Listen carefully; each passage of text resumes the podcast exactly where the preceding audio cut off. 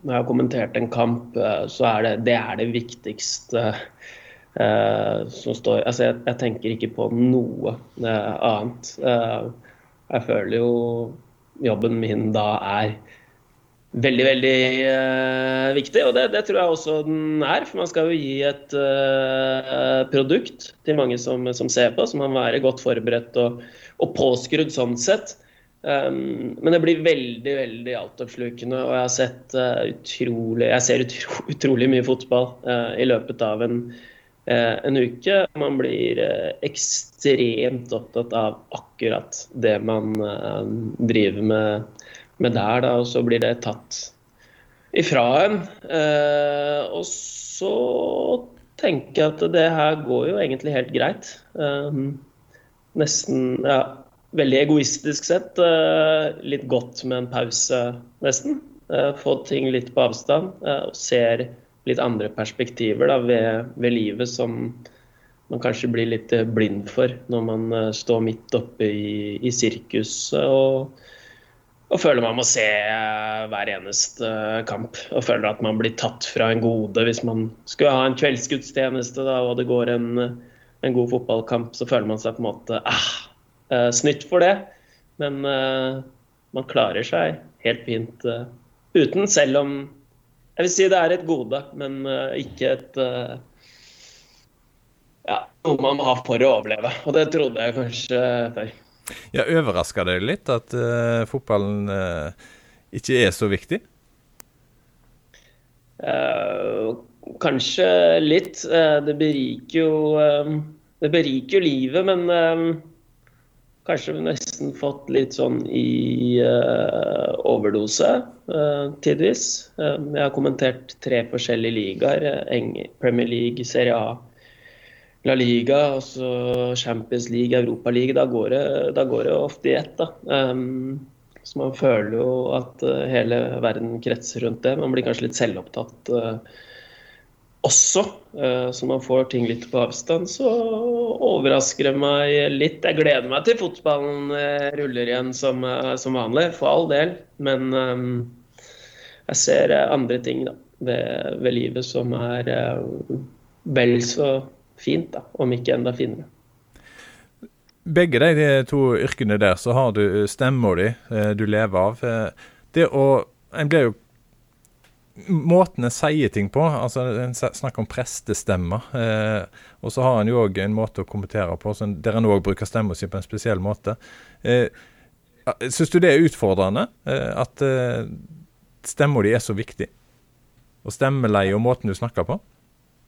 Ja, eh, og det mm, Det er jo noe jeg har vært eh, bevisst på, i hvert fall. At eh, når jeg går på prekestolen eller holder en gudstjeneste, at jeg prater til folk, at jeg ikke preker til folk. Jeg syns det har vært litt sånn vanskelig med den presterollen, at det står en prest der oppe, og så sitter resten der nede eh, i salen.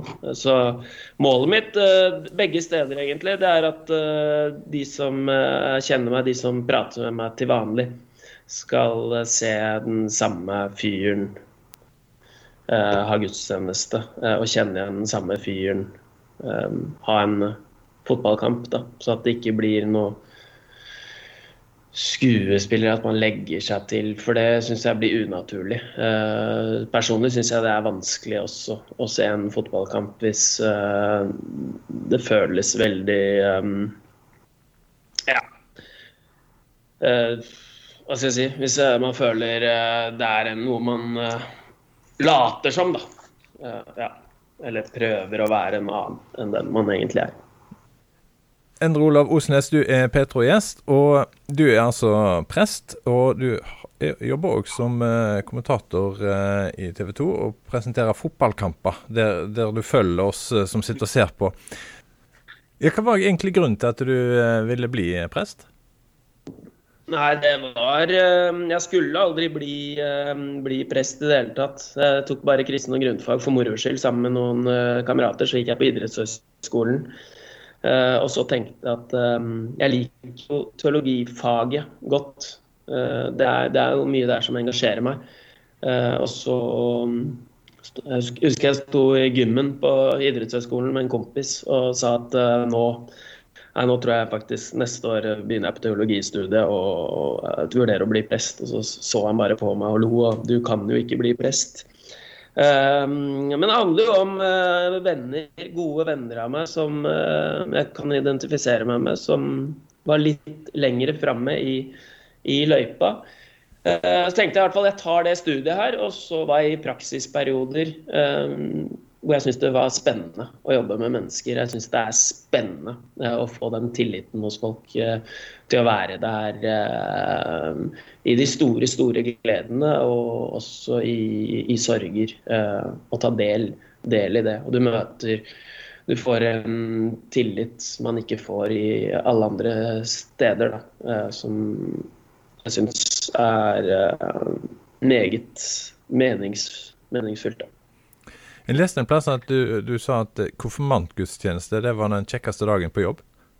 Ja, um, absolutt. Jeg syns det er Og det er noe av det jeg har savnet og litt i kirka. Jeg syns det er utrolig spennende uh, med masse forskjellige folk, uh, ulike kulturer, alt det. Men den uh, aldersgruppa der, uh, den, uh, den syns jeg er spennende. Og det er også utfordrende når man jobber med um, forkynne evangeliet. Hvordan gjøre det er relevant for 14-15-åringer. hvordan gjøre det relevant Det er ikke bare konfirmantene òg, de drar jo med seg foreldre inn i kirka som kanskje ikke er der så ofte. hvordan gjøre det spennende fordi det blir litt sånn Det er ikke alltid så nøye. Det blir litt friere. Som prest så er du eh, Ja, er du en profesjonell kristen? Ja. man, blir jo, man, blir jo, det. Um, og jeg må jo si at tidvis er det lettere å leve som kristen som prest. Fordi man hele tiden man blir tvunget da, til å lese uh, Bibelen. Um, man må be for folk. Um, man må gjøre sånne ting. Uh, hvis man ikke er flest, så må man gjøre det på eget initiativ. Da, på, på fritiden. det kan være um, vel så bra, om ikke bedre. Men det er det å sette seg ned og gjøre det da, som tidvis kan være litt uh, annerledes. På en annen side syns jeg det er uh, litt sånn slitsomt med, med det prestegreiene. For det forplikter uh, på en måte. Det kan være en litt sånn tung byrde å ha da, hengende over seg. At, som, ja, at det er lettere å, å slippe den ryggsekken og bare være en vanlig kristen. Jeg syns du det er det positivt å være prest, det ha denne presteyrket med seg når du eh, er i, har den andre jobben som fotballkommentator? Jeg vil si at det åpner, eh, det åpner flere, flere dører enn en det lukkes. Eh, for det er mange Da veit folk hvor de har meg med en gang. Så de veit hvor jeg står på det området. Og det har åpnet for veldig mange fine uh, samtaler, og det har åpnet for veldig mange fine, fine muligheter. Sånn sett, jeg tror lista er lavere for å spørre meg om tro uh, når man veit at det er det. Uh, sånn i utgangspunktet. Fordi, ja.